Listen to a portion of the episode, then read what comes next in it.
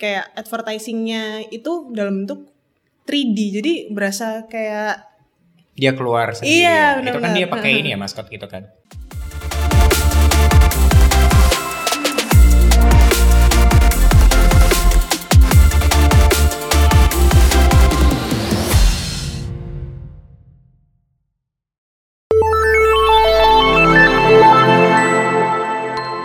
Welcome to E-Pop, Elevate Pop. Hai Elevate Squad, welcome to E-Pop, Elevate Pop. Di sini kita akan membahas tentang hal-hal yang sedang tren dan ramai diperbincangkan. So, let's go. Happy New Year! Balik lagi bareng aku Dania Ulfa. Aku Rangga. Ya, dan ini konten pertama kita di tahun 2022 nih. Wah nggak kerasa ya dan Iya. udah ganti tahun aja. Nah, waktu eh, liburan, bukan liburan juga sih, akhir tahun di pergantian tahun ini kamu ngapain aja sih? Muhasabah diri Oke.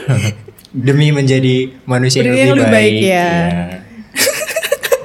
Iya semuanya pasti semua orang pasti resolusi 2022 selalu ini ya. Iya, betul, Setiap betul. tahun selalu ingin jadi yang lebih baik Iya lagi. harus ada action ya benar, kan. Benar benar Tapi kita harus refleksi diri dulu. Oh, iya, benar. apa kesalahan kita di masa lalu? Ya.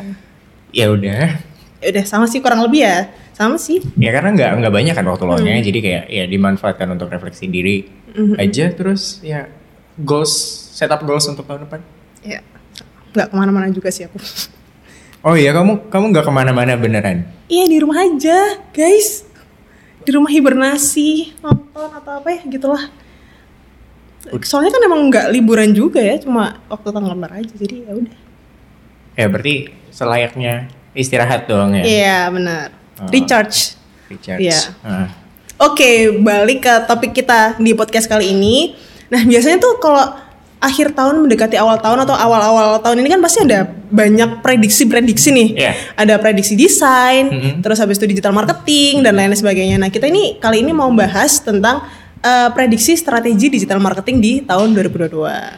Yang pertama ini ada shoppable post di media sosial. Mungkin sebenarnya di tahun lalu juga eh, sudah banyak ya online shop online shop yang udah apa sih kayak setiap produk-produknya tuh diupload dan juga disambungin ke Instagram Shopping gitu. Misalnya yang kita klik udah muncul produk sama harganya gitu. Mungkin tapi eh, di tahun ini nih prediksinya tuh lebih masif lagi gitu. Jadi online shop online shop yang sebelumnya mungkin belum aware sama fitur ini gitu bakalan lebih gencar lagi promosi menggunakan shoppable post ini. Hmm, oke oke. Mungkin ada beberapa sosial media juga yang mungkin akan menambahkan fitur baru itu. Iya benar-benar. Nggak jadi nggak cuma Instagram ya. Iya benar.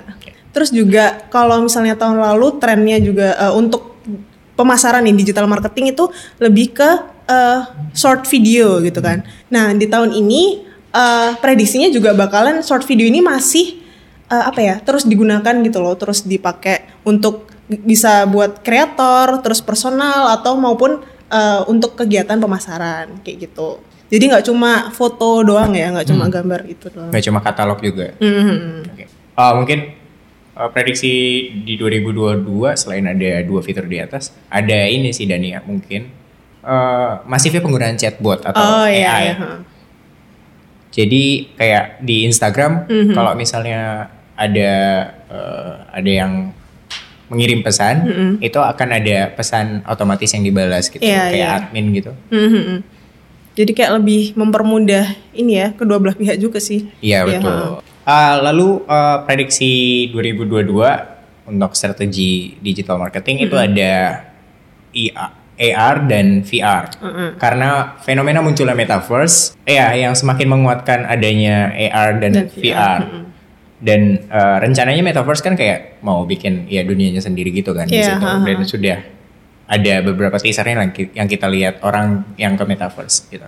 Nah, terus habis itu ada eh, ini tentang advertising nih, ad- advertising on offline ada 3D billboard. Sebenarnya kalau di luar negeri kayaknya udah banyak sih 3D billboard. Di Indonesia sebenarnya eh, setahu aku nih itu belum banyak, cuma ada pernah lihat eh, beritanya di Jakarta gitu sih Mas Ian. Iya, Itu kayaknya suatu bank gitu deh.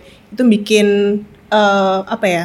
Kayak advertisingnya itu dalam bentuk 3D. Jadi berasa kayak Dia keluar sendiri. Iya, Itu kan dia pakai ini ya maskot gitu kan. iya iya. Gitu. ha. Hmm.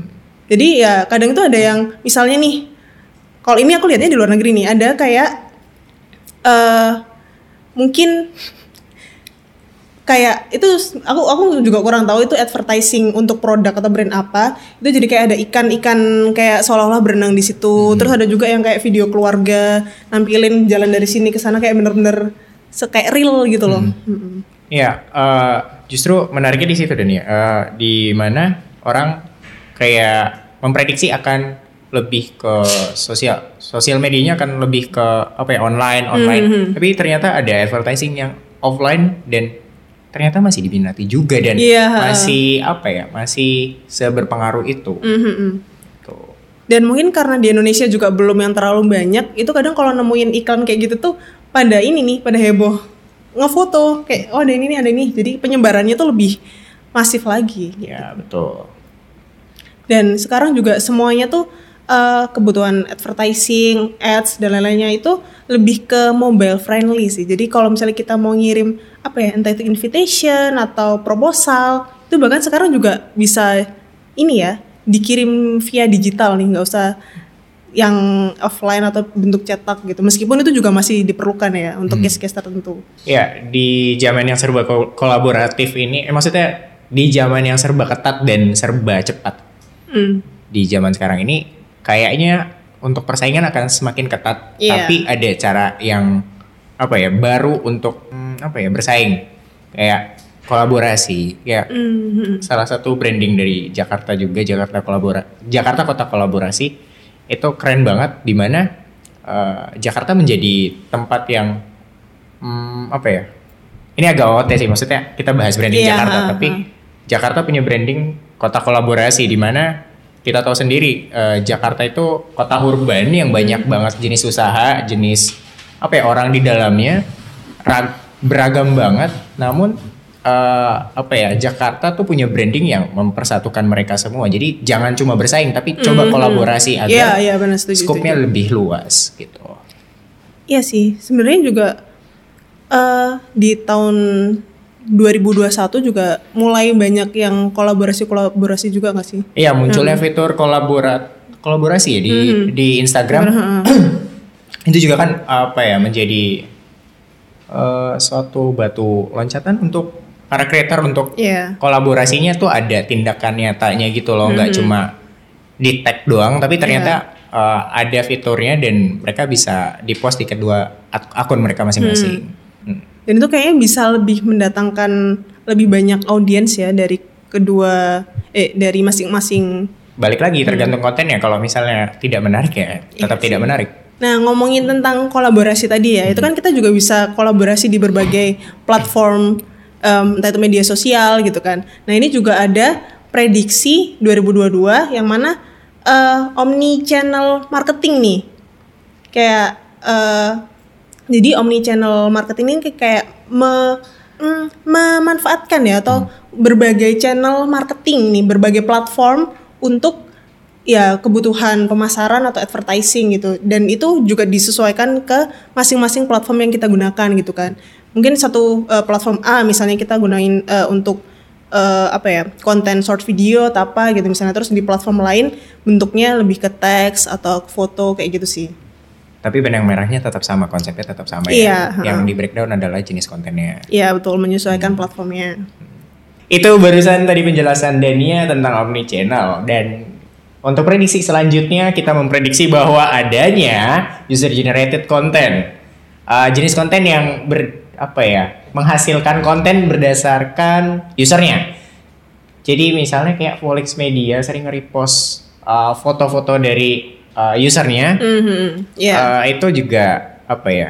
Termasuk UGC, user generated content. Terus kayak info-info kecelakaan lalu lintas. Iya.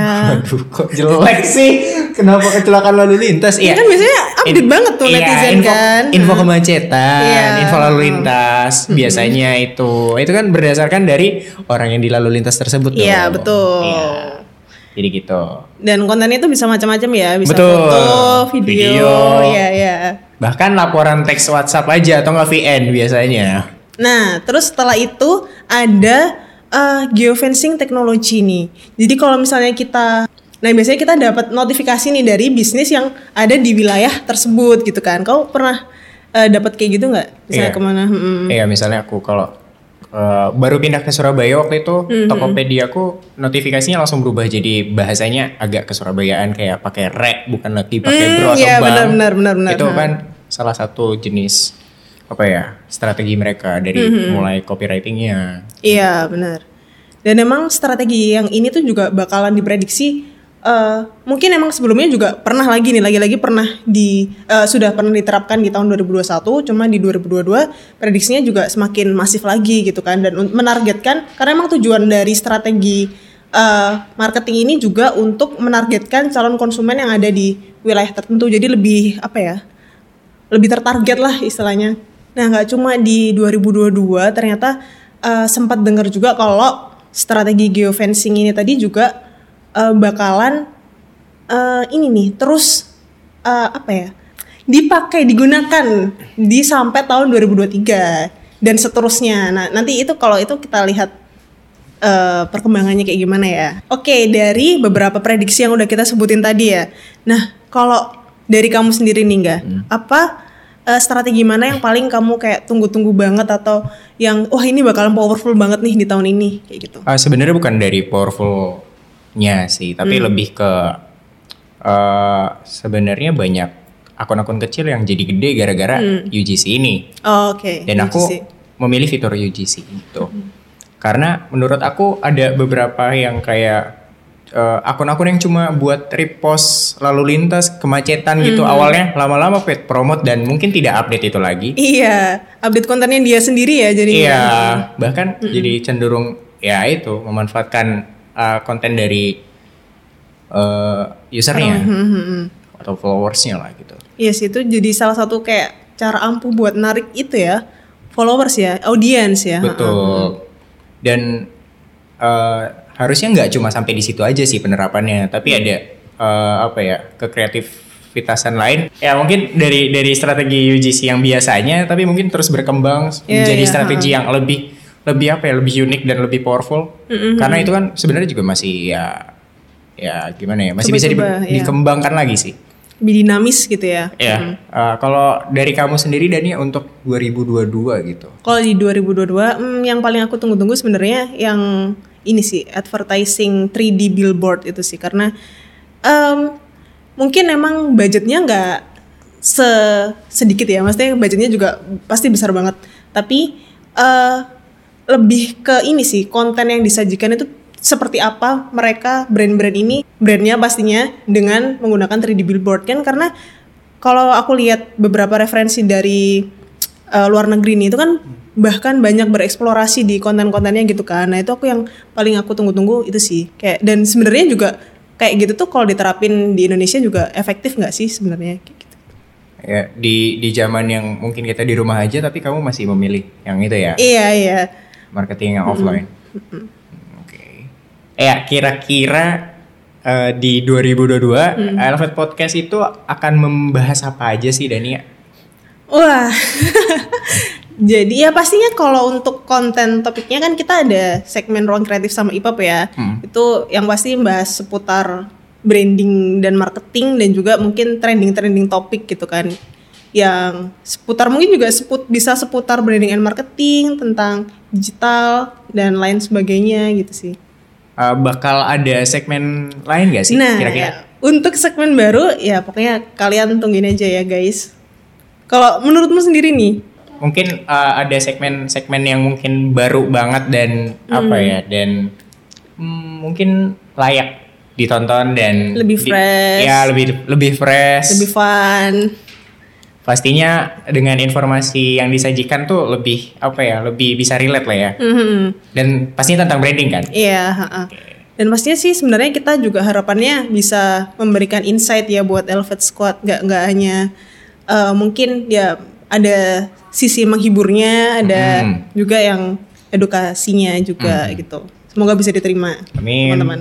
Ya oke, berarti tungguin aja ya segmen baru dari Elevate Podcast tentunya di Elevate Podcast. Oke, thank you Rangga udah nemenin di uh, podcast episode kali ini. Ya, thank you Dania. Ya, see you on the next podcast. Bye bye. Bye bye. Happy New Year. Oke, Elevate Squad, berhubung ini konten pertama di tahun baru, kita bahas nih tentang uh, prediksi tren digital marketing di tahun 2022.